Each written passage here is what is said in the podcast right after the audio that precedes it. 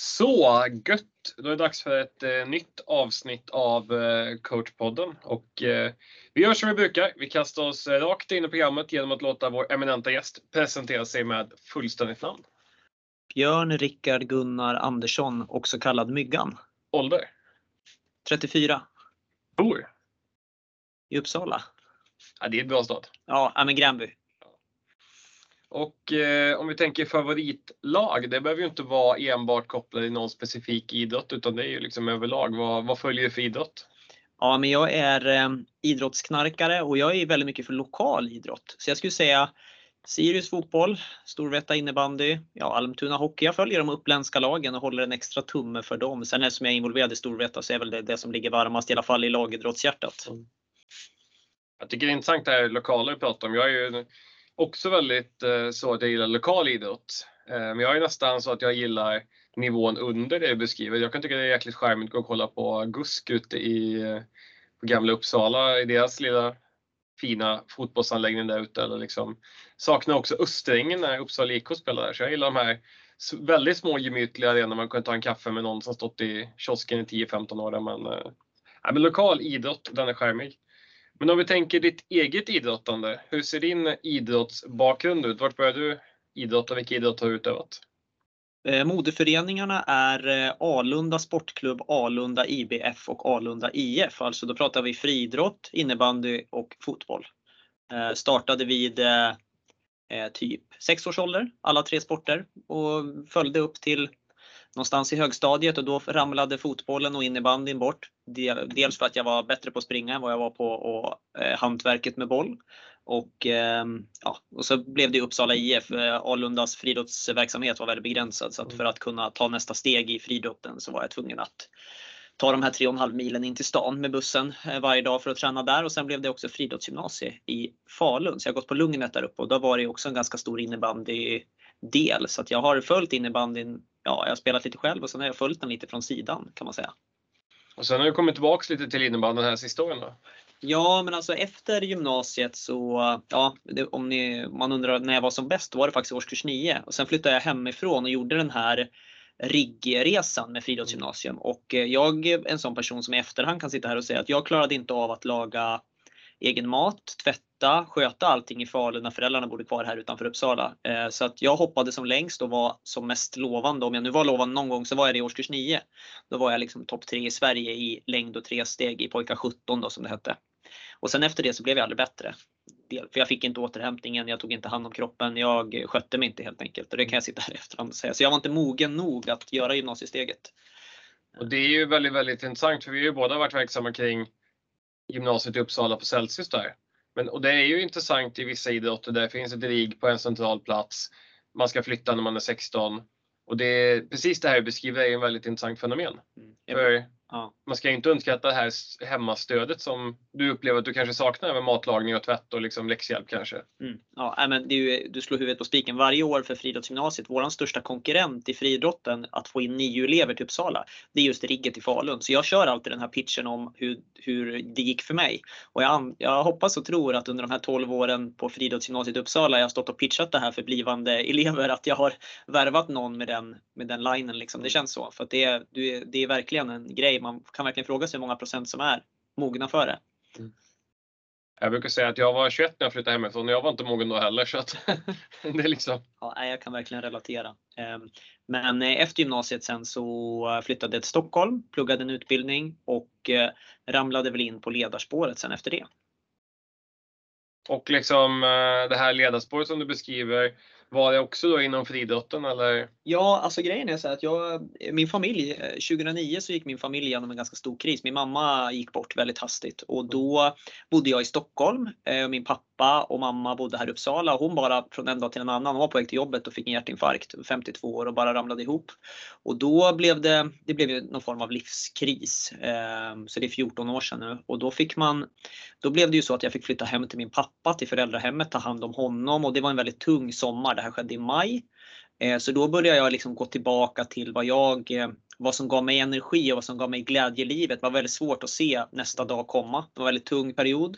Och så då hörde jag mig till UF Idrott som jag inte hade haft kontakt med. Ja, det var väl från gymnasieslutet till eh, till det här så var det väl ungefär tre år. Så då hoppade jag in i en barngrupp egentligen. Bara ringde upp och sa hej jag skulle kunna tänka mig att bli tränare. Jag hållit på själv men jag har slutat och nu har jag flyttat tillbaka till Uppsala från Stockholm så jag skulle kunna tänka mig att hoppa in i en grupp. Och sen, ja man brukar säga på den vägen är det. Mm. Så uh, två år senare, eller ett och ett halvt, så fick jag heltidsanställning då och det är då, nu har jag samlat ihop 12 år som tränare och anställd i Uppsala IF Friidrott på det. Så där är vi idag.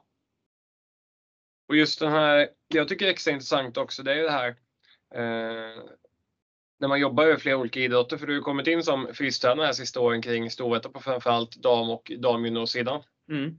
Och liksom, det är ju precis det här som är intressant också, att börja titta och få in någon som har en objektiv syn på på idrotten innebandy. För de flesta är ju ganska, jag tyckte i ditt uttryck innebandyknarkare, liksom, det, det, är ju fantastiskt. Eller idrottsknarkare, för det är ofta där man är, liksom, att man missbrukar någon idrott till, till den mängd att det är, liksom, det är ju sjukliga nivåer. Ja, absolut. Eh, om man sitter och kollar någon eh, match en vardagskväll uppe på IFU liksom, och känner att man borde verkligen gå hem, men att det är ju en division 3 fight här. Så att, Mm. Det är ganska kul att få någon med en annan typ av sjukdomsbild som kanske är friidrottsnördig och kunna också beskriva innebandyn. Men vad var det som gjorde att du hoppade på liksom det här rollen kring Storvreta? Ja, men alltså eh, Henrik Ededal kom ju för tre år sedan lite drygt och bara flög på mig här. Det är en väldigt trevlig, väldigt trevlig arbetsplats vi sitter på du och Johan, att vi har den här restaurangen här nere. För ofta man träffar mycket folk mm. som har med idrottskoppling och det var precis så det var med Henrik. Jag bara råkade springa på honom och vi kände igen varandra. Vi har suttit på samma möten några gånger och bara ja, vet varandra till utseendet, vad man jobbar med. Och han, liksom, då började vi prata lite träning och så blev det en kaffe där och då och sen spann vi på på vad man skulle kunna tänkas göra. Och han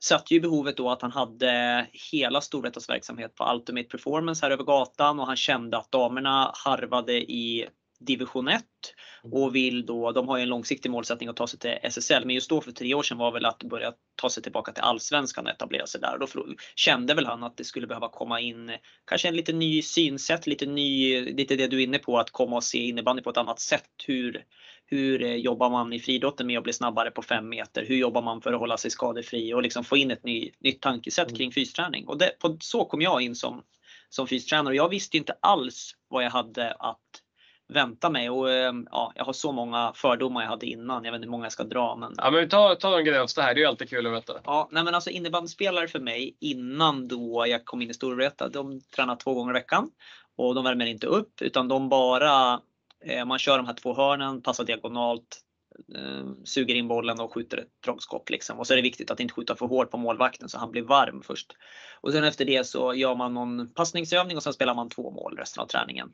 Tränar 60 minuter två gånger i veckan. Det var min fördom. Eh, och jag förstod ju att de professionella lagen tränar på ett annat sätt såklart. Men eh, det var min fördom och då fick jag ju träffa det här laget och lära känna dem för tre år sedan och följa dem under en, ja men från eh, att komma in med mitt synsätt och då hade jag ju Viktor Matsenius som huvudtränare och fick lära känna honom ehm, och eh, ja, så att, och det var ju verkligen inte så att de tränade två gånger 60 minuter i veckan. De var ju verkligen villiga. Eh, men det som slogs mig av första året med Storvreta, det var att ungefär en tredjedel av, eh, jag hade bara damlaget första året, av en tredjedel av laget var kanske inte alltid tillgängliga på grund av skador, överbelastningsskador, eh, den typen. Och då kan man ju fråga sig vad det var som, eh, då börjar jag ligga och fundera på varför blir det så? Och med min erfarenhet som friidrotten, liksom, vad kan man göra åt det? Så att försöka bygga en mer hållfast trupp. Eh, för det spelar ingen roll hur bra tränad man är eller hur bra form man är i om man inte är skadefri.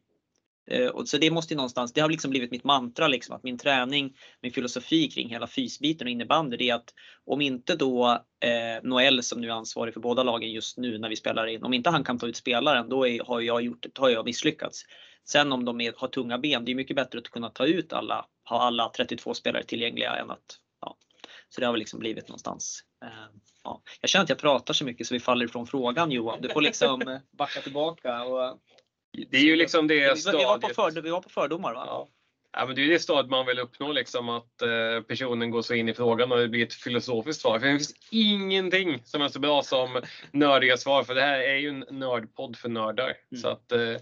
vi behöver inte hålla igen på någonting. Nej. Men precis det här som du, du nämner, det är ju precis det man tycker är intressant, för det är någonting vi jobbar med inom innebandyn också. Mm. Just att utmana många av de här bitarna. Jag var, kan bara dra ett jättekort exempel. Jag var själv iväg på en träning igår med ett lag som var födda 2008. Och då var uppgiften var väl liksom att göra träningen lite roligare för målvakten framför allt. Och då frågade jag hur en vanlig träning ser ut. Och det var ungefär som du beskriver att det är lite hörnen och det är lite skott i början och sen är det matchspel. Och på ett lag födda 2008, det blir inte jättemycket avslut för de spelade 5 mot 5 på fullstorplan. Mm. Och det, ja, vi spelade 15 minuter det blev 2 till 3 avslut på mål. Mm. Så att som målvakt var ju träningen den var jättedålig. Mm. Du belastar bara knäna och du får liksom ingen belöning för jobbet Nej. där liksom. Så där måste man också ifrågasätta och liksom eh, hitta på andra saker på träningen och få en högre effekt av träningen. Liksom. För, och det är det som är intressant för där är ju innebandyn överlag. Det är kanske många idrotter. Nu kan jag bara innebandyn. Men det jag tycker vi är, vi kör ibland fast i gamla hjulspår. Mm. Och därför är det så intressant ibland när man har någon som kanske ska komma in som ledare och den säger jag kan inte så mycket om innebandy. Då kan man säga mot nej men vad bra. Då har vi ju liksom en jättebra ingång för speaking terms. Om jag kanske kan bistå med innebandy så kan du bistå med något mer. Mm. Och det är precis de synergierna jag tycker är intressant. Men då, då är min följdfråga också, liksom nu när du har tränat innebandyspelare, upptäcker du saker i ditt, din, den rollen som du har plockat med typ, till motsatt förhållande till friidrotten? Ja men verkligen. Eh, jag har utvecklat mig själv som ledare på att hantera grupper. För jag är van att jobba, eh, exempelvis om jag tar en kille som jag hade som jag tränade som heter Filip. Jag lärde känna honom när han var 10 år. Då hoppade han 1,29 i höjdhopp och sen eh, sex år, eh, han var 12 år, förlåt, sex år senare han var 18, då vann han Nordiska mästerskapen på 2.10. Då hade vi nästan utvecklats en meter. Jag följde honom minutiöst. Men på träningarna, han hatade att träna med andra personer. Eh, och jag tror med min erfarenhet nu kring gruppdynamik och hur en grupp fungerar och hur man kan liksom jobba med gruppen och hur man kan jobba med olika typer av att alla hittar sin roll och att det är okej okay att vara liksom, men att det finns vissa lagar och regler. Eh, jag känner att jag fått jättemycket med liksom just i gruppdynamik så det är någonting jag känner att det är kanske inte så mycket specifikt i träningen så i det fysiska, men däremot just hur man jobbar med eh, ja, eh, grupper. Alltså verkligen, där känner jag att på de här tre åren har jag lärt mig en miljon saker både för arbetslivet och för liksom, friidrottscoachandet. Jag tycker det är intressant, för jag är själv en sån person att jag kan ju ha väldigt svårt att bestämma mig för saker liksom, om det inte finns ett förhållande att det är någon annan som drabbas som inte jag gör mitt. Mm.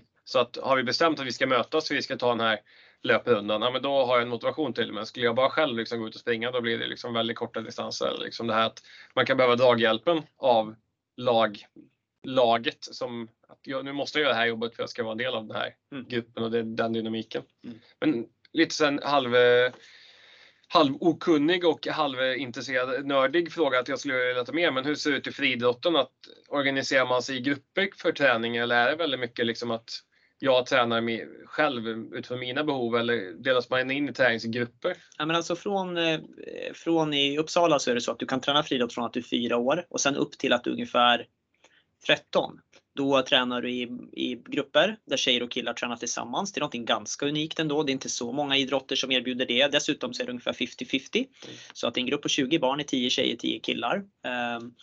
Och efter det någonstans runt 12, 13, 14 då börjar du liksom grengruppsinrikta dig. Då börjar vi kanske se att Johan han har lite mer talang för tresteg och höjdhopp eller han, han har ganska bra tryck i armarna. Han blir spjutkastare liksom. och då börjar man och då fortsätter man träna sin grupp. Men då finns det liksom just i Uppsala så har vi lite specialgrupper så då går du, då tränar du med din basgrupp och sen kan du gå på unga spjutkastare eller unga häcklöpare där du liksom där man ses med en lite duktigare tränare och bara fokuserar på detaljer. Och sen ungefär när du börjar gymnasiet, då har du i regel valt din gren Mm. Eh, under de där tre åren så blir det någonstans att hitta under puberteten, börja styra mot vad du vill hålla på med. Eh, och sen efter det så börjar man träna och i grupperna då, då går man från 20 och sen på de här specialgrupperna så kanske man tränar mellan 5 och 10 tillsammans när det är mer teknikträning. Och sen på gymnasiet så är det i grupper om 5 till 10 personer. När du blir duktig sen och kanske håller Sverige-nivå, alltså absolut högsta Sverige-nivå eller världsnivå som Mondo exempelvis, då tränar du egentligen själv eller max en grupp om max 3. Så det är väl typ så det ser ut lite grovt. Mm. Det är väldigt eh, intressant för då får man ju också i den här breda träningsgruppen när man är ung, då får man också en väldigt bra liksom, fysiologisk grundbas att stå på. Mm. För där kan ju faktiskt vara innebandyn är väldigt, väldigt specifik. Mm. Om du bara spelar innebandy som barn, mm. att det innehåller till exempel kanske inte jättemycket klättra och den här rörligheten och liksom eh, upp och ner som man gjorde förr när man kanske klättrade i träd och Nej. kasta snöboll och byggde snögubbar. Liksom att, eh, en grundmotorisk färdighet. Den är ganska intressant. Det är lite den här kanadensiska modellen att du inte ska specialisera dig förrän kanske i högstadiet. Ja, nej, men vi försöker just upp till högstadiet motivera dem till att eh, när någon kommer och berättar som åttaåring att jag kommer direkt från Vaxalas innebandyträning här på andra sidan väggen. Vi blir jätteglada. Det är precis så vi tänker också att desto fler sporter man hinner prova på nu eh, så är det ju jättebra. Jag har ju en fyraårig son nu. Jag sitter ju och googlar varje termin vad det finns för kul. Så han har ju provat på. Han har kört Uppsala flickornas gymnastik nu och sen Um, friidrotten börjar han med nu och sen har vi liksom, nästa termin så tror jag att det är dags att prova tennis. Så jag har sett att det faktiskt finns innebandy från 5-6 år, att det finns lite innebandylekis och sådär. Så att uh, ja, vi försöker. Jag tror att det är viktigt att få prova mycket och ha dem. Så det kommer mycket mer naturligt när vi var små och ännu längre tillbaka så var det ännu bättre liksom när. Så att det är, jag tror att det är jätteviktigt. Men om man skulle få gå in nu på, för nu har vi fått eh, chansen att bilda en uppfattning om eh, innebandyn, både från ett perspektiv där du kom in med dina fördomar mm. och sen har du också fick, fått vara med ett tag liksom, nu och jobba med innebandyspelare. Men om, om man skulle försöka ge sig på att beskriva den optimala innebandyspelaren och då inte genom en person utan genom fysiska egenskaper. Mm. Att, vad tänker du är de absolut viktigaste fysiska egenskaperna för en innebandyspelare? Ja, men jag tror att du har någon form av, eh, liksom, det är jättesvårt, men om jag skulle liksom plocka fram en optimal innebandyspelare i dagen, då är det ju någon som har bra hållfasthet och med det menar jag med att eh, om eh, man ska kunna bli riktigt bra innebandy då behöver man kunna träna mycket och tåla mycket träning och tåla mycket matchning och tåla mycket liksom att man måste kunna tåla fem träningar plus match i alla fall i veckan och kanske ha en återhämtningsdag och faktiskt nästan röra på sig varje dag. Eh, så att en bra hållfasthet och det är ju ett ganska tråkigt, lågintensivt, flerårigt jobb bakom det. Att liksom jobba mycket med styrketräning och de bitarna. Eh, och sen tror jag att eh, du behöver vara... Mm, ja, jag lyssnade på din förra podd med, var det Anders som var förra gången? Eller ja, Anders Norman där. Ja. Och då pratade ni om det här med eh, tunnla alla och hela den biten. Och jag tror ju att ni pratade om modern innebandy och då tror jag att det går liksom inte att, det spelar ingen roll hur bra lirare du är. Han, tog han Filip Eriksson som exempel då? Filip har jag följt eh, lite grann också i, mm. i Sirius och där. Han är ju en riktig lirare och väldigt snabb men han har kanske behövt lägga på sig lite och bli lite starkare och han är ju ett bra exempel på det.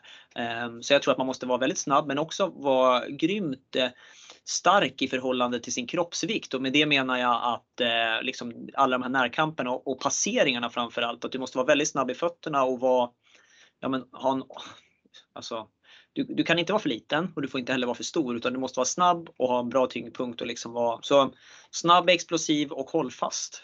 Då tror jag att man och sen eh, självklart en bra aerob, alltså grundkondis. Så att, och det sitter ihop lite med hållfastheten. Om du ska palla träna varje dag så behöver du ha ganska bra grund, eh, bra återhämtning. Så att du liksom ja, orkar. Ehm. Och om man då tänker liksom eh, att man vill bli en sån idrottare och skulle vi kunna ta exempel att man kanske börjar liksom 4, 5, 6 år eller liksom eh, hur ska man träna för att kunna bli en sån person? Är det bara arvsanlag så vi skulle titta på någon form av sovjetisk lösning back in the day som man skulle para ihop? Var det inte basketspelare eller var det Kina som jobbade med det? Ja, men... Tog alla långa personer och flyttade om till ett ställe och så fick, ja. skulle vi få fram långa barn liksom, som skulle kunna bli grymma på basket eller kan man träna sig till de egenskaperna? Absolut.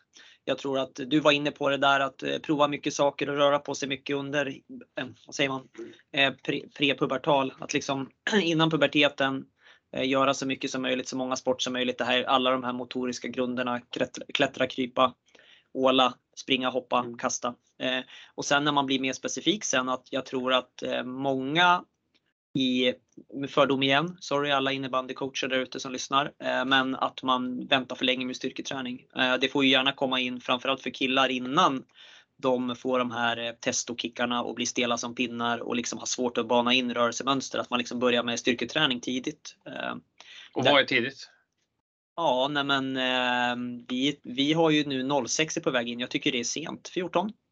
Någonstans innan man liksom innan växa på sig. Tjejer kan börja till och med lite tidigare och då pratar vi liksom Ja men Eleiko har ju teknikstänger på 5 och 10 kilo. Pinnar är jag lite emot. Vi kan prata mer om specifik styrketräning sen men för det då är det svårt att bana in rätt teknik. De är lite för lätta istället. Det är bra för rörlighetsträningen. Eh, men eh, ja, så det tror jag är liksom och sen är det ju det här med att få ett bra det är en sak som innebandyn har mycket att jobba med. Eh, det är ju att få ett bra löpsteg tidigt för det är ju så här att kommer innebandygymnasiet eh, här i Uppsala och ber mig att komma och köra löpteknik, då är det så att alla har ju passerat puberteten och då att ändra rörelsemönster och gå in och göra någonting. Många har ju väldigt, väldigt svårt med det, framförallt killar men även tjejer. Så det vill man ju komma in med så tidigt som möjligt. Att liksom, ja men spring på fotbladet, ha en flexad fot så att du får liksom träffar under höften, ha ett bra knälyft när du kommer upp i löpningen. Ja, inte svänga så mycket med överkroppen. Nu vet jag att ni har ju ett redskap ni håller i så det blir lite mer komplext. Dessutom så springer ni inte bara rakt fram utan det är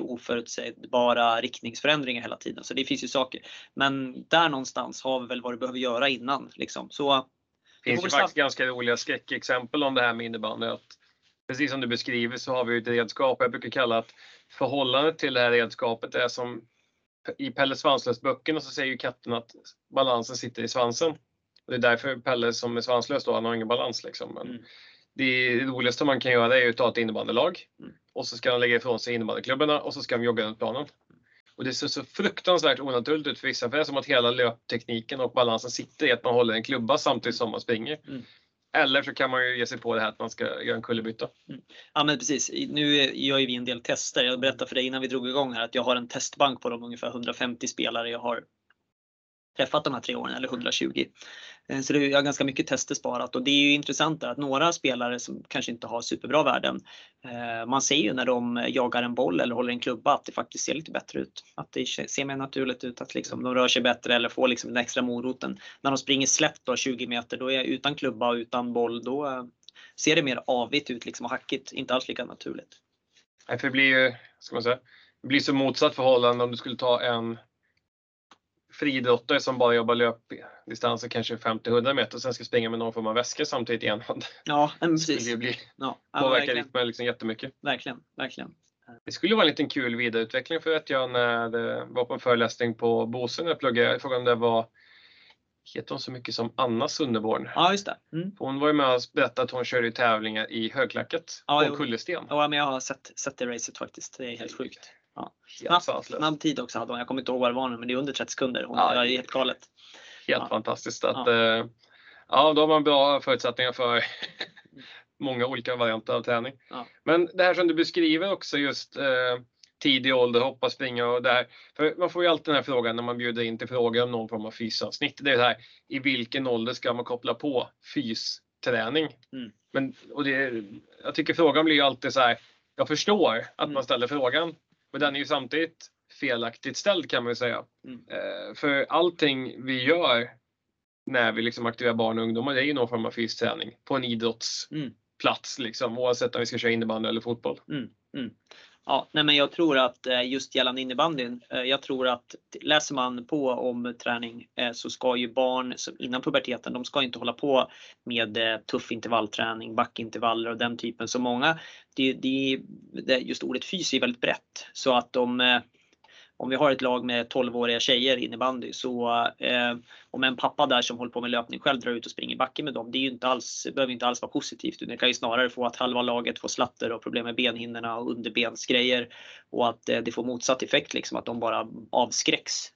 Eh, däremot om de skulle gå in i gymmet på en stor lokal och ha lätta stänger och pinnar och börja bana in frivändningar eh, ja, men så här komplexa övningar med helkropp liksom och att de, då när de börjar växa på sig sen så kan de göra en tekniskt bra frivändning. Då, eh, då pratar vi. Då har man ju förberett dem för vad de kommer kalla och då har ju de jag pratar med den här hållfastheten, då behöver man ju träna regelbundet styrketräning på rätt sätt under många år och gärna lära sig grunderna innan puberteten. Då har ju de otroligt stort försprång mot många, eh, många likasinnade liksom, eller motsvarande lag liksom.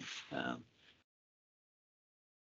Motfråga här då som, eh, det, det är ju frågan, vi ska testa en teori och se om du tycker att jag är rätt på det eller om jag är fel på det. För jag är ju bara hobby, glad hobbyamatör i de här frågorna. Men jag tycker att det är ganska kul för många lag som har väldigt unga barn som tränar idrottshall. Och många idrottshallar är uppbyggda, liksom, det, det är gamla idrottshallar runt om i Uppsala med omnejd. Så det är ribbstolar och liksom allt det här. Och då upplever man alltid ett bekymmer att ungarna vill klättra upp i ribbstolarna och inte fokusera på det vi ska göra med själva klubba boll. Men är inte ribbstol också ett fantastiskt redskap för att liksom få en, någon form av fysträning? Jo, helt fantastiskt. Det är ju precis det de ska göra tänkte jag säga. Så det är, man, får, man får inte glömma liksom att eh, det där gjorde vi utomhus och de gör ju inte det utomhus. De sitter ju och spelar på en platta kanske hemma i soffan istället. Så det är ju, ribbstolen är helt fantastisk. Jag bara så det, du bekräftar min, min tanke här, men jag brukar alltid säga att lägg in ribbstolen som en del av träningen. Ja. Om du har ett helt lag som eftersträvar att få vara i ribbstolen, då har du en jättebra indikation också vad laget tycker är kul att träna på. Ja. Och då får du in de här inslagen. Mm. Eh, precis som att du är någon form av, det är så klassiskt med de här olika hinderbanorna med olika teknikutmaningar. Mm. Men då kan man också involvera just att du ska ligga ner, rulla runt och sen kanske få från en liggande position ska ställa dig upp och sen ha liksom en tempoväxling på 5-10 meter och de här sakerna. Mm, absolut. Hur bra som helst. Så att, svaret på den här klassiska frågan om när man ska koppla på fys, det är väl från den första dagen man kommer till en idrottsträning. Mm, helt rätt. Ju tidigare ju bättre. Men om man skulle då tänka sig mer liksom att du beskrev ju det här scenariot där att de är 16, 17, 18 och kanske liksom har passerat pubertet och nästan börjar bli lite för sent. Men om man nu har ett lag som är i det stadiet och man känner liksom att nej, men, är det kört liksom? Eller vad, vad, skulle man kunna, kan man rädda upp liksom sådana delar? Nej men alltså jag kom in, jag kan ju ta ett faktiskt exempel. Jag kom in för två år sedan i eh, Storvretas jaslag och då eh, där var det ju tjejer som var födda mellan 2001 tror jag den äldsta eller 2002 och sen ner till 04 var det då. Eh, så för två år sedan var ju de, du får reda på med 2020, de var alltså mellan 19 och 15, 16. Så de, de flesta där var ju inne i puberteten och under liksom. Och då får jag väl se mig själv med eh, min utbildningsbakgrund och vad jag har för bakgrund att jag är bra kunnig att lära ut barn och ungdoms styrketräning. Eh, så då, jag börjar ju lägga jättemycket tid och jag diskuterade då med Noel där som är tränare för att vi eh, Fysträningen i år, det enda vi investerar in det är skivstångsteknik. Så att vi körde på stenhårt eh, Eh, 90 minuter i veckan eller 75 minuter i veckan. Och på den tiden så hade vi inget intresse av att ha mycket vikt på stången, springa speciellt mycket eller hoppa speciellt mycket eller köra någon form av, kanske som om man hör att man kör fys. Utan det enda vi gjorde det var att de fick liksom träna olika startlägen, olika liksom knäböjstekniker och så la vi ett helt år på att investera i det. Och sen har vi liksom successivt banat ut det här till att lägga på lite mer vikt, att ta större ansvar själv. Och nu när jag av någon anledning inte kan vara med, då skickar jag bara ett program och så ser jag när jag så får jag höra liksom, få någon film och sådär, då ser jag att 80-85% lyfter så bra som jag bara önskat. Så de är ett bra exempel på att när man som grupp och som tränare bestämmer sig för att investera. För jag tror att det är lättare att man tänker sig, ja men nu har vi viktig match i helgen så nu vill vi att ni kör lite mer sprint, vi kör lite lättare liksom. Utan eh, jag tror att just den här när de fick kontinuiteten över ett helt år. Sen kom ju pandemin och då var det inte så mycket matchen. Då fick jag lite mer tid att investera det i grunderna i styrketräning och då har vi liksom tagit det ett och ett halvt åren. Så nu har vi liksom börjat lagt på lite mer vikt och nu har jag inga siffror på det, men det känns som skade, skadeproblematiken och skadorna har minskat och att eh, de har ju både på planen och eh, även som personer växt väldigt mycket och gått väldigt mycket framåt. Så det känns som liksom ett av liksom att man vågade offra träningstid till tråkig grundträning. Så ska jag sammanfatta det. Det tror jag är liksom, och även om man nu är på det lite sent och liksom ta in någon kunnig person liksom som bara man investerar en dag i veckan eller en timme i veckan på det. Eh. Sen måste jag säga att hade det varit ett killag hade vi inte kommit lika långt. För det är som jag sa tidigare att tjejer har mycket lättare att lära sig grunderna lite senare. Och skulle du säga att det är kopplat till fysiologiska delar eller mer liksom, så jag vet inte vilket motsatt mentala bitar, att man är icke mottaglig för feedback? Både och tror jag. Det är väl ungefär som om du minns gymnasietiden på skolidrotten när man skulle dansa. Då vet ja. man ju liksom hur, hur tjejer och killar tar emot det eller lära sig nya mönster överlag.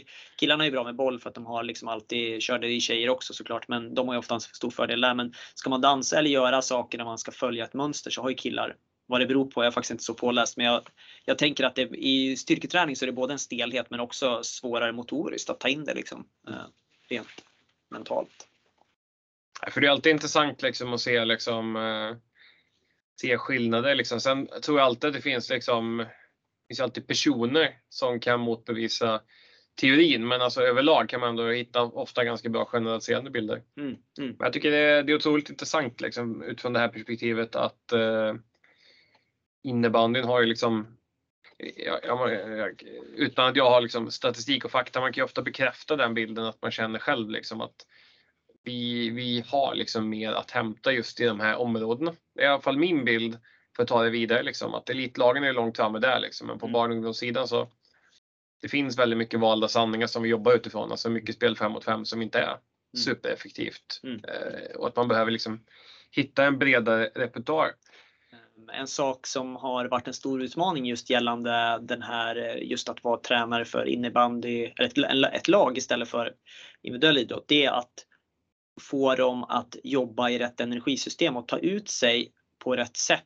Eh, för att som lag, när man gör någonting som inte handlar om att spela boll, då kan det ibland vara att det blir flamsigt, att de inte orkar, att de inte bryr sig, att de tänker de andra gör nog lite bättre så jag, jag pallar inte springa så tufft eller jag pallar inte köra så tufft. Jag pallar inte stå i plankan den här 45 sekunderna som coachen säger. Så en stor utmaning för mig, jag har ju kommit från en friidrottare då som kanske då som Filip som vet att om inte jag står i plankan, ingen kommer göra det åt mig utan om jag ska hoppa högre höjdhopp, då behöver jag göra det som coachen säger för att bli bättre. Och det har varit den största utmaningen med att träna innebandy. Det är att hitta former i träningen som är kul och som gör att de kör på det sättet som jag vill. För vi tar bålstyrka, bra exempel. Det behöver ju alla idrottare mer eller mindre av. Eh, då är det så här att skulle jag lägga upp ett pass där eh, du och jag kör Johan, vi kör statisk styrka. Vi ska stå en minut, vila 20 sekunder och så ska vi köra åtta övningar och tre varv. Ganska tråkig träning. Skulle man köra det med ett flamsigt 16-årigt tjejlag, hur många skulle stå 6 sekunder varje gång? Ska vi säga 10% 20% vi kan ge 25 så är vi snälla. Ja precis. Nej, men det, det, kom, det skulle ju vara väldigt liksom, skiftande och det är även på äldre lag tror jag. Mm. Utan man känner bara fy fan vad tråkigt. Istället då så tar vi medicinbollar som väger 3 kilo och så tar vi olika övningar där man jobbar parvis. Tempo, kör tillsammans. En kör, den andra peppar, räknar och kastar boll.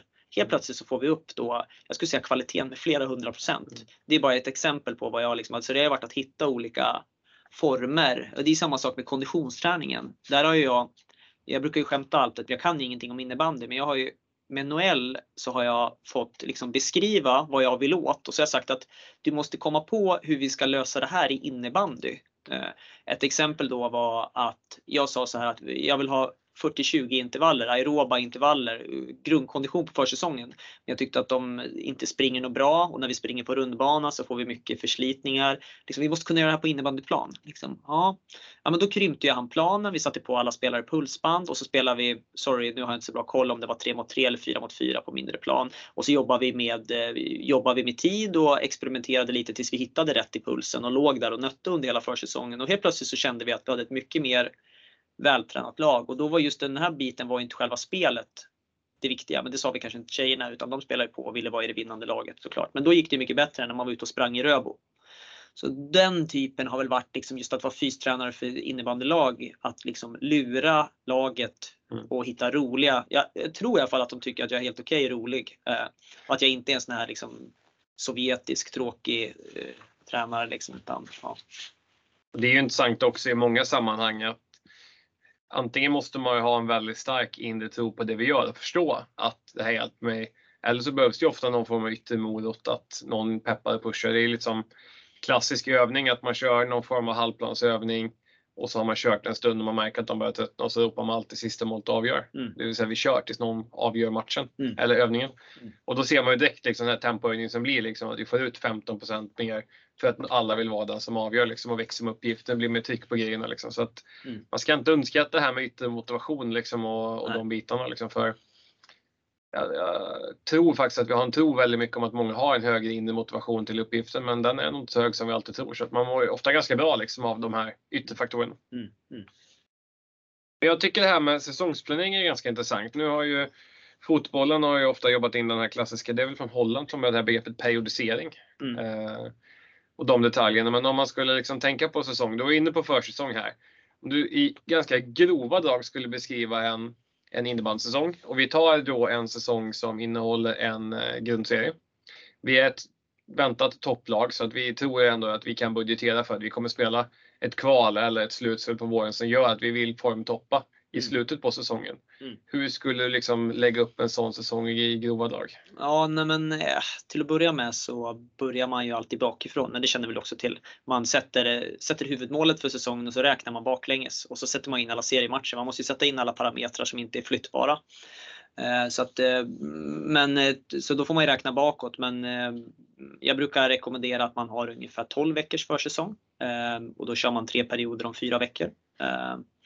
Och då kör man tre lite tuffare och så har man en återhämtande vecka. Eh, och här har ju någon period varit på, på hemmaplan då så att säga när vi inte haft gemensamma träningar. Eh, sen när säsong och den sista perioden då börjar ju innebandytränaren påstå att vi ska ha massa träningsmatcher så då kan det också falla bort lite fysträningar för att man eh, lägger fokus på det. Och under den här perioderna så alltså, tycker jag att det är viktigt att ha bollspelet med. Att ha konditionsmomenten som jag var inne på, att ha det på plan. Eh, att inte ta bort det helt. Eh, sen kommer vi in i säsong och då går vi ner och tränar någon form av normalveckor under hela hösten.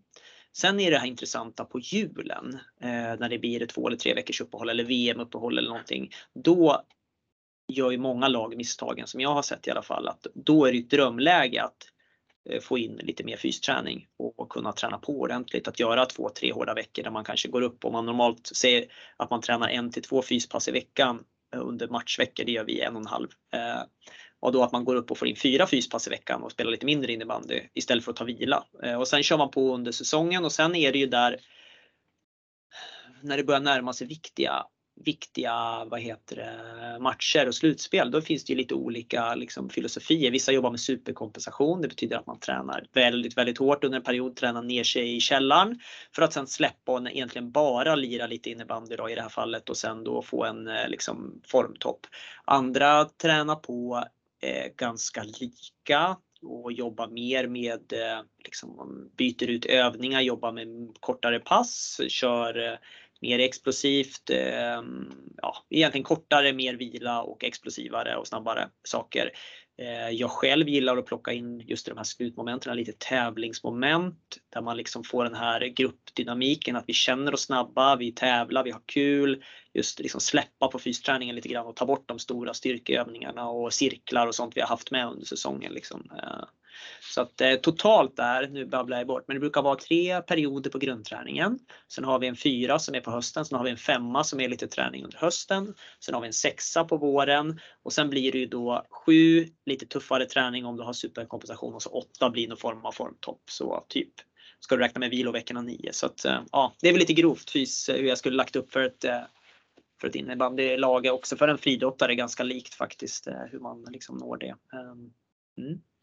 Jag måste säga här, det är sällan jag sitter och antecknar så mycket samtidigt som jag spelar in ett poddavsnitt. För ofta är det ju liksom saker man är ganska liksom med på. Men jag tyckte det var väldigt intressant just det här 12 veckors programmet med liksom tre tuffare veckor, en vilovecka liksom och hela den varianten. Och sen, sen är det ju också väldigt, väldigt intressant det här just med konditionen på plan. Jag vet att det är många lag som börjar gå mer och mer åt det hållet. Att man vill också underhålla de tekniska färdigheterna över sommaren så man inte kommer in i augusti och sen har alla spelare skavsår i händerna för man har inte hållit en klubba på två månader. Liksom.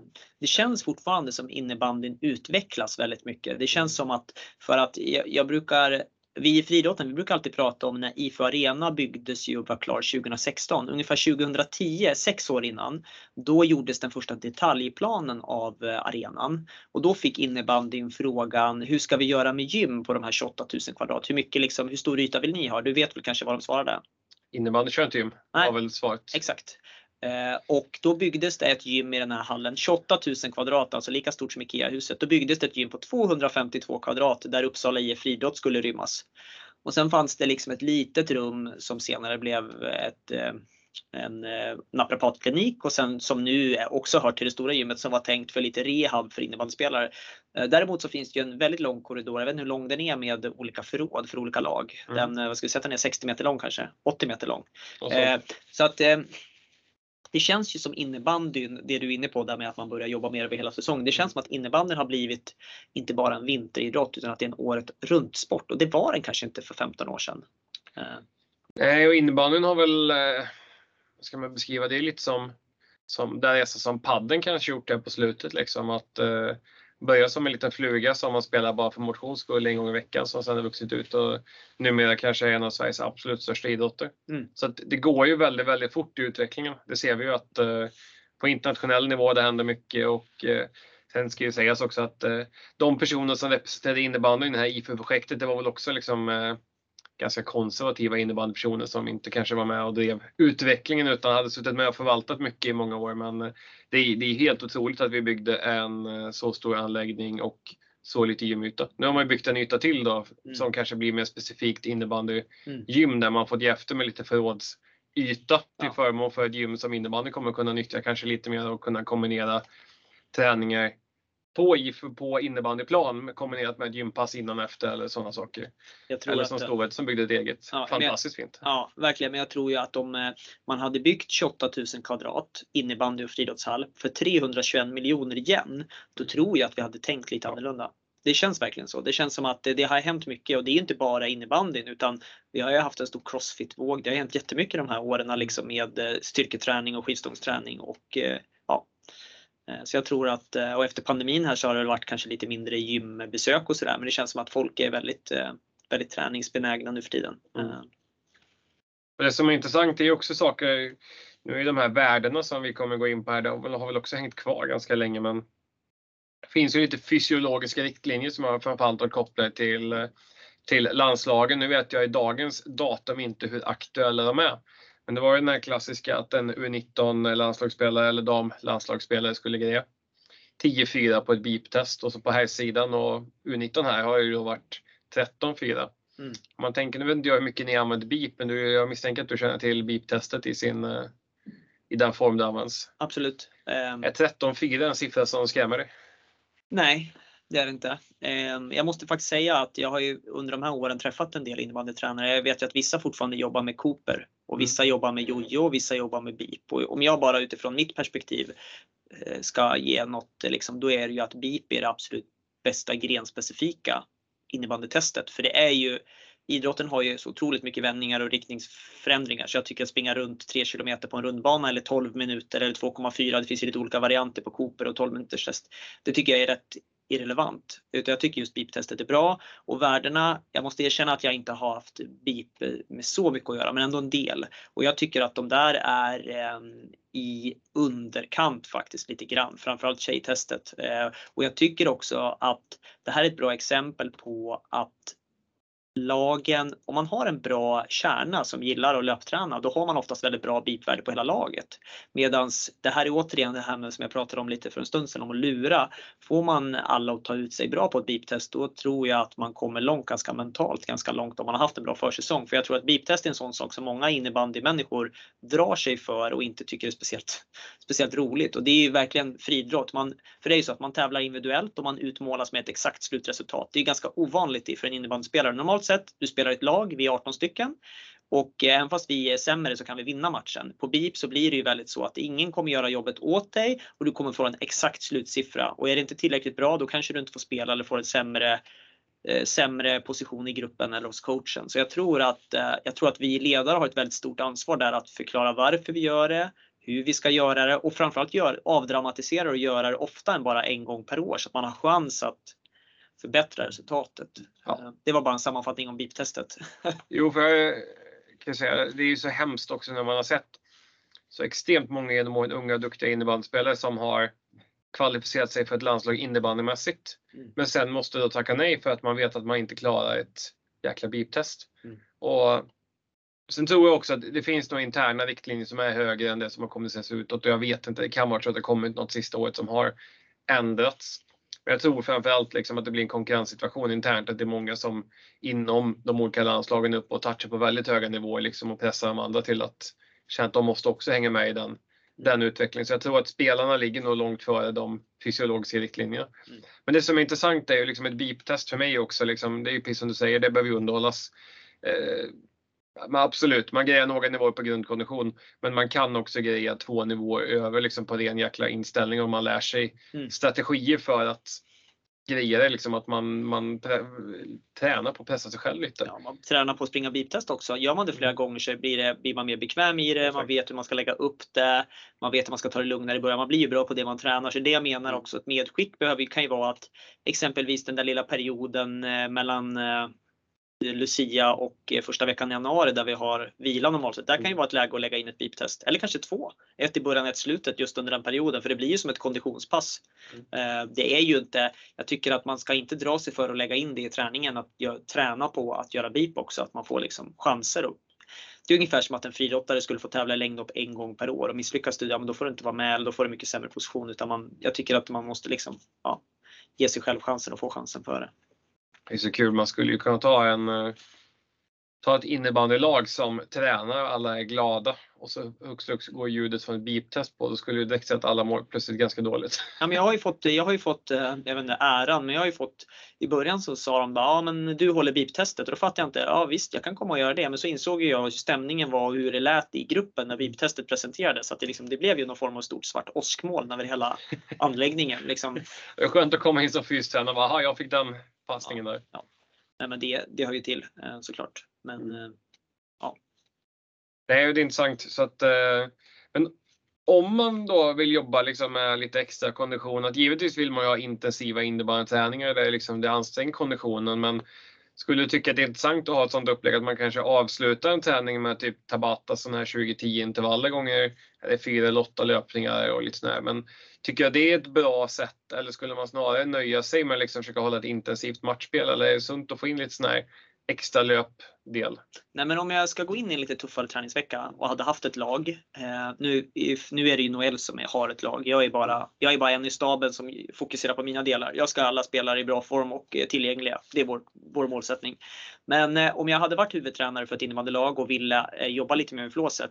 Då hade jag alla dagar i veckan eh, skjutit ihop målen, delat om lagen och kört eh, intensivt matchspel där jag får dem att springa utav bara bomben. Sen är det ju, jag tror mer att det är du som tränares um, vad säger man, upp, uppfinningsrikedom som gör det tillräckligt bra. Liksom. Att spela med två bollar, tre mot fem, gör liksom att du, de ska ju liksom krypa av. Liksom. Det är målet. Att, och sen när du då är i slutspel, hamnar i boxplay, det blir ett långt byte. Eh, Det är synd att inte innebandyn har långt i båset i period två. Mm. Det, det hade varit jävligt kul för en liten grej bara. Som i hockey när de kryper på knäna. Jag har varit inne i två minuter. Eh, Men när man har trycket liksom. Det, så det skickar jag med till innebandyförbundet. Kom igen, byt sida. Det hade varit jävligt coolt. Eh, Behålla samma bås då liksom? Ja men precis. Ja, Och ja. att man får byta motsatt sida så att det liksom blir ett problem med bytena.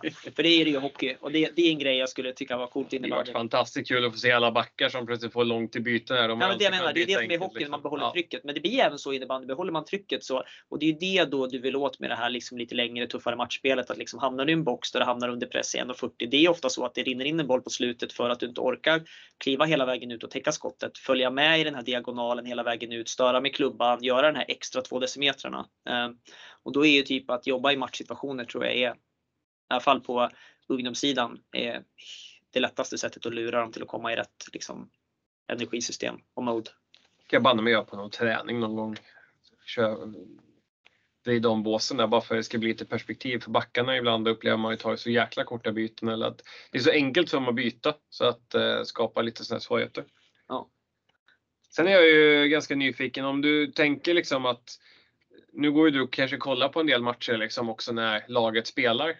Och du som åskådare, vad är din uppfattning om en innebandymatch? Liksom? Att, vad, vad tänker du nu där?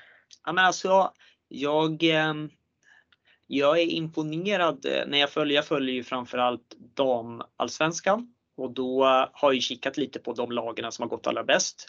Nu kommer du bli imponerad. Jag har ju faktiskt koll på att det är Kalmarsund och Telge som ser ut att vara liksom. Eh, och då har jag ju kikat lite på vad de gör bra och hur, hur de ser ut fysiskt och liksom vad, varför det går bra för dem. Eh, och sen tittar jag även på här SSL eftersom vi har tre Uppsala-lag där och eh, så jag försöker se se så mycket innebandy jag kan bara för att lära mig både på plats men också på webben. Och det jag ser det är att bara på de tre åren, det blir ju mer och mer atleter. Eh, det är inte så mycket lirare längre. De, det finns ju ett par gamla rävar i Storvreta. Jag tror banne mig om vi hade backat tillbaka och de hade fått kommit sitt, sitt prime.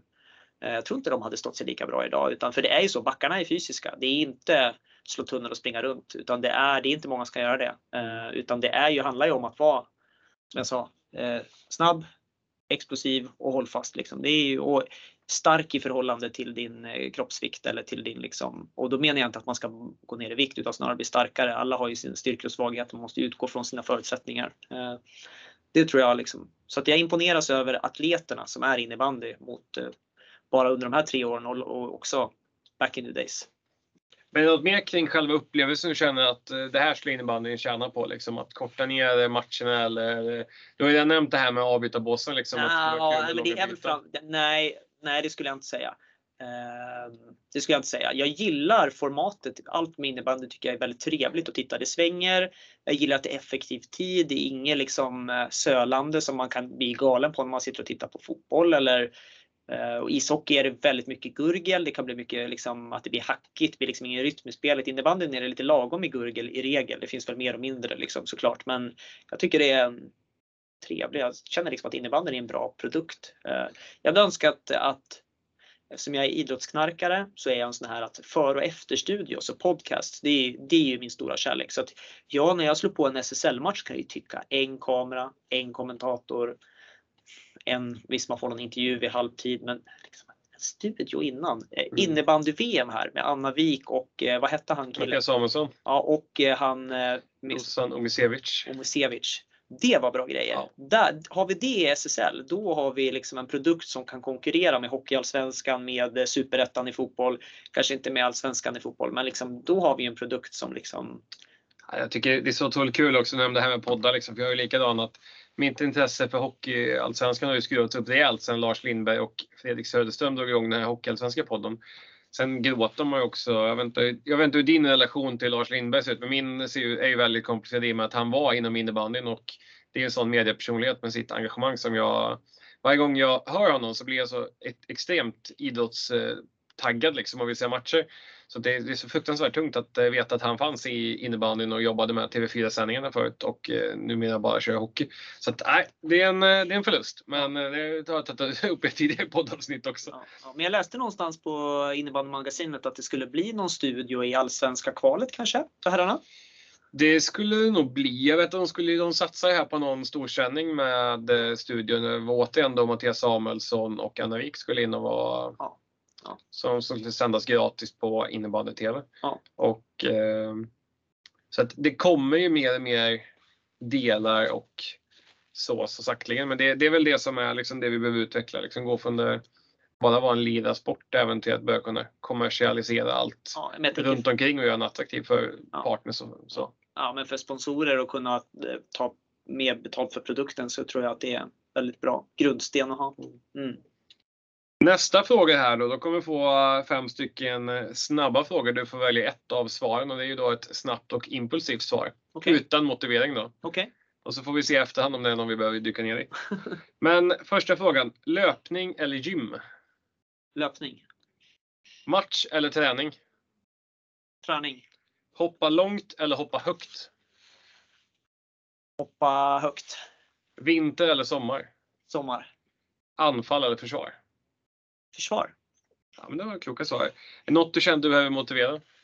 Nej, men det där försvar kanske. Alla gillar ju när det blir mål. Men en av de sakerna när jag står, jag har ju faktiskt blivit inbjuden att stå lite mer i båset nu, framförallt den här säsongen. Sista matcherna nu har jag varit med. Jag var med för två år sedan också i kvalen när Viktor höll i laget när vi kvalade upp till Allsvenskan. Och eh, en sak jag som fystränare, jag kan ju bara bidra med positiv energi liksom, och pepp. Eh, men en sak jag som jag brinner för, det är ju jag gillar ju boxplay när man hamnar i boxplay. För att om man, om man har två riktigt löpstarka eh, forwards eh, som spelar box då borde, brukar de också kunna vara ett, himla jävliga mot motståndarna. De brukar kunna sno bollen, de brukar kunna täcka skott och det bygger sån mentalitet styrka när man får tillbaka femte spelaren. Så det är liksom, och när jag ser de här fötterna flyttas i sidled hela tiden när motståndarlaget spelar uppställt eh, powerplay, att liksom att boxen fungerar och att jag ser att de orkar hela bytena, då blir jag väldigt glad.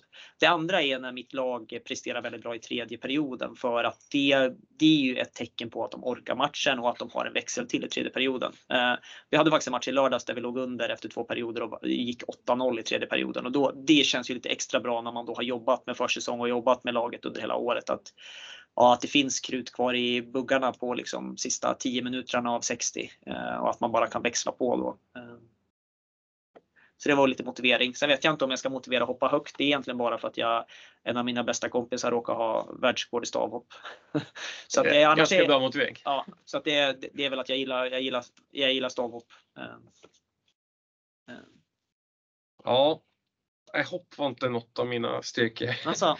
Jag brukar säga att mina styrkor som utövare var engagemang okay. för uppgiften. Men jag har aldrig varit bra på liksom någon del där jag liksom men som utövare känt mig framgångsrik. Så det gjorde ju ganska snabbt att jag valde olika domar och ledarspår. För jag kände jag liksom att Men- konkurrensen var inte lika kraftig. Det var ju roligare. Jag tror att det är väldigt viktigt inom idrotten att man har, jag har, eh, jag har haft en kille på friidrottsgymnasiet nu som också inte har speciellt mycket talang för någon av grenarna, även fast vi har nästan 20 grenar så han provar på allt. Men eh, han har en himla stor, stort hjärta för friidrott och nu är eh, är han med liksom och hjälper till med eltiderna, han hjälper till med eh, sekretariatet, han speaker, han, liksom, han hoppar in på jättemånga. Liksom, han kommer bli en ofantligt bra tränare sen längre fram också. Så att det är viktigt att man suger upp dem som dig. Att liksom, för de är minst lika viktiga för, att sport, för sporten än, eh, än att de bara försvinner för att de inte fick, eh, de blev, eh, när coachen toppar så fick de sitta bänk liksom. På tal om att lyfta fram profiler inom sporten så är det sista lilla segmentet du har chansen till här att eh, få sätta ihop någon form av drömuppställning och eh, här får du ju välja lite hur vi lägger upp det. Om det ska vara liksom någon slags innebandyformation eller om du bara vill plocka tre personer som du vill, eh, vill hylla eller hur, hur du vill formera det hela. Har du någon tanke? Ja, men det här är otroligt svårt. Jag, ja, nej, men jag får väl. Eh, jag har ju bara varit eh, tre år i Storvreta, varav ett år i division 1 och två år i två år i allsvenskan. Så jag får väl eh, Jag får väl utgå från eh, från det tänker jag. Men jag tänkte att jag. Jag, jag tänkte utgå från testvärlden. Så jag tänker utgå från. eh, Får jag börja? Får jag börja vart jag vill? Du får pre- precis vart du vill. Ja, men det här höger och vänster forward det är jag inte mycket för. Men jag hade ju börjat med eftersom jag har haft de två spelarna jag har tränat genom åren som har haft de bästa bästa sprintvärdena. Det är en tjej som nu spelar i Hedemora som heter Jenny Tollsten. Så hon skulle jag ha på ena sidan och sen skulle jag ha Selma Frykholm på andra. För det är de två som på både, både flygande 20 och stående 20 har haft snabbaste tiderna jag uppmätt. Och sen emellan då, jag har ju råkat, eller haft för, råkat, haft förmånen att haft eh, Anna Wik i truppen under ett halvår. Så jag skulle sätta henne, jag vet att hon är en bra center. Så där har jag min liksom tre. Så två väldigt löpstarka forwards och sen har jag Anna i mitten där som någon form av playmaker. Sen kommer vi till backsidan då. Och där, eh, där är det svårare. Då skulle jag ha någon som är eh, kan vi börja med målvakt kanske? Det går bra. Ja, och då har jag ju då under de här tre åren så har vi ju haft eh, samma målvakt. Och det är Johanna Åkerfeldt och det är en tjurig jävel och det tänker jag är bra att ha längst bak. Hon är envis, hon har bra pannben. Så henne skulle jag sätta bak. Och sen på backsidan. Det är ju svårt va? För där eh, tycker jag att alla gör ett bra jobb. Jag har liksom inga riktiga värden och sådär utan då ska det vara någon som är starkast i knäböj kanske. Tänk tänker att någon, någon biffig. Så då blir det, nu spelar ju hon center men jag tror att jag flyttar ner eh, Louisa, eh, Lovisa Torsander som vi har nu. Som, som, hon, är, hon är en av de starkaste. Sen den andra backen. Eh, ja, jag vet inte. Nej, men vi slänger in Armand Duplantis som andra back. Vad tror du, du, som är innebandyexperterna, vad tror du om mitt lag med en envis målvakt, en världsrekord, världsrekordhållare i stavhopp och sen har vi en som är bra i knäböj. Jag vet inte, jag kan ju inte bedöma riktigt innebandykapaciteten, men vi har Anna Wik och sen har vi de här två löpstarka forwardsen. Jag får säga så att eh, med reservation för att ni som gillar ordvitsar ska stänga av programmet nu, men man kan ju hoppas att Duplantis lyfter laget nya höjder. Så har vi dratt eh, det självklara skämtet, man måste ju säga det. Men eh, Jag måste bara säga att det här var eh, det här var den absolut svåraste frågan jag har fått. Jag har varit med kanske i fem poddar gällande träning. Det här är den absolut svåraste frågan jag har fått. Att ta ut en femma innebandy. Och jag tycker det är så otroligt intressant också, för det är ett helt nytt sätt att ta ut ett lag. Att man tittar på liksom färdig, alltså vi tittar ju ofta på vilka som kan hitta kemi tillsammans och det är precis de här influenserna jag tycker är kul. För jag pratade med en annan tränare som berättade att eh, han skulle plocka ut sin backpar och då hade han sex backar. Och då eh, tog han de tre som pratar mest och rankade, okej det är hem tre som snackar mest på plan. Vem snackar mest? Han får spela med som är tystast. För då har vi bra kommunikation. En som styr den andra. Och så har vi liksom två som pratar jämnmycket liksom. Men det är ett backpar. Så att han ville liksom ha mycket surr liksom. Och på det sättet så fick han ju lika mycket snack på respektive backpar. Mm. Och sen i ett backpar är det en som står för 100% av kommunikationen. Han får spela med en tyst liksom. Och man bara så här. Och han struntade fullständigt i vilken klubba, vinkel de hade på klubban och om det var två spelskickliga eller inte. Utan han gick bara på kommunikation. Och det var så extremt intressant liksom. Och samma sak här liksom. Att istället för att titta på liksom eh, vi ska ha någon som gör mål och någon som gör assist och liksom de här delarna. Liksom att, ja, men snabba yttrar och då kan man ju liksom bygga ett spel på det. Liksom och, eh, ja, jag tyckte det var, det var, det var lite intressant. Och det är också väldigt, väldigt kul att titta på. För vi hade, när jag gick på plugga på Båsen hade vi en kille som hette eh, Filip och var stavhoppare. Mm. Eh, och han var så extremt allround i sin grundträning så att vi pratade det har varit ganska kul att ta honom för han har aldrig spelat en, en bollsport eller lagidrott utan han har ju kört friidrott. det hade varit så kul att få honom att bli lagidrottare i någon form. Och så satt vi och diskuterade liksom att han, skulle han kunna bli elitaktiv fast han börjar med en lagsport nu när han är 18? Och då pratade vi just om handboll. Att eh, om man skulle ha honom som, eh, vad heter det nu, mitt nia. Just för han hade ett sånt jäkla spänst han kunde hoppa högt liksom. Mm. Och handbollen är ganska enkel för du har inget redskap att jobba med. Det kan ju ta längre tid att utveckla förmågan att använda en klubba mm. än att bara kunna kasta. Mm. Så vi sa att undrar hur lång tid det hade tagit att få honom att nå högsta serien i handboll i Sverige om vi hade liksom fått börja drilla honom hårt i handbollsträning. För han hade ju liksom den spänsten. Vi spelade lite på skolan och han, liksom, han var ju tokbra. Mm. Mm. Att det hade varit intressant att se ett motsvarande exempel. Att, ja, men hur, hur lång tid tar det att få Duplantis att kunna spela högt upp i innebandy? Liksom? Det är två gånger just gällande handboll kontra friidrott. Det är två gånger i, som jag vet att i Sverige att det har kommit en handbollsspelare och vunnit ungdoms-SM. I vilken gren? Samma, gång, samma gren båda gångerna. Känns ju spontant som att det borde vara någon kastgren här. Eh... Tänk på rörelsen när du kastar en handboll. Ja. Tänkte på spjut, men ja. det känns som... Är det? Ja, det är rätt. Jag tänkte annars att det ligger så mycket teknik kanske. Ja, men det är mycket teknik i spjut. Men just den här armbågsrörelsen och hålla in till kroppen. Det är väldigt likt när du kastar en handboll. Så det är faktiskt så att det fanns en tjej som hette Elinor Wid som var väldigt duktig i handboll från södra Sverige någonstans. Och hon, eh, hon kom in och satte typ, jag tror på ett år att hon satte, eh, vad heter svenskt juniorrekord i spjut och från att vara handbollsspelare. Tyvärr så är det ju väldigt vanligt med skador i spjut i armbåge och axel så hon, jag tror hon gick sönder ganska tidigt men hon var ju en sån här som kom från ingenstans och helt plötsligt kastade hon 50 meter i spjut liksom med 600 gram spjutet. Bara, bara spela handboll. Det är helt fantastiskt. Det är de grejerna vi gillar, liksom det här överföringsbara. Liksom. Jag har bara varit med om det. Jag måste berätta en kul story till kring det. Eh, ungdoms-SM Upplands Väsby för typ 10 år sedan i flickor 15. Längsta distansen då i 3000 meter. Då dök det upp en tjej från Sollefteå Eh, med gympaskor. Alla andra hade spikskor. Tjejerna var från olika Stockholmsklubbar i Göteborg. Det var, och då dök det upp en tjej som hette Ebba Andersson från Sollefteå. Eh, och när startskottet gick då sprang hon, ingen visste vem hon var. Då gick hon ifrån. Fick direkt 20 meter, 40 meter, 100 meter, 200 meter. Hon började till och med att nästan varva efter halva loppet och de andra sprang och tittade på varandra. Vem är det här liksom? Eh, och det är ju då samma Ebba Andersson som idag är en av världens bästa längdskidåkare. Så hon dök upp på ett ungdoms-SM och bara liksom varvade hela startfältet på 3000 meter i stort sett. Eh, kommer aldrig glömma det och ingen på friidrottsarenan visste vem den här tjejen var. Så att det är också sådär bara hur man kommer in och bara ja, mosar. Kommer inte ihåg vad hon hade för tid nu men hon sprang helt brutalt bra. Hon var ju bra redan då i mm. allt. Sen hon, kom ju, hon var ju med på junior-EM också i löpning. Ganska långt upp innan hon valde skidor som kanske då var rätt val. Eh, även fast det inte blev så mycket, så många medaljer nu på OS i Kina. Mm. Det är fantastiskt och det är ju det är de här stories när vi brinner för lite extra och eh, gör att det är så otroligt kul med idrott överlag oavsett vilken sport man håller på med. Mm. Ja, men grymt! Det här, eh, jag tar med mig enormt mycket spännande delar och eh, stort tack för att du tog tid att medverka i podden. Tack för att vi fick komma.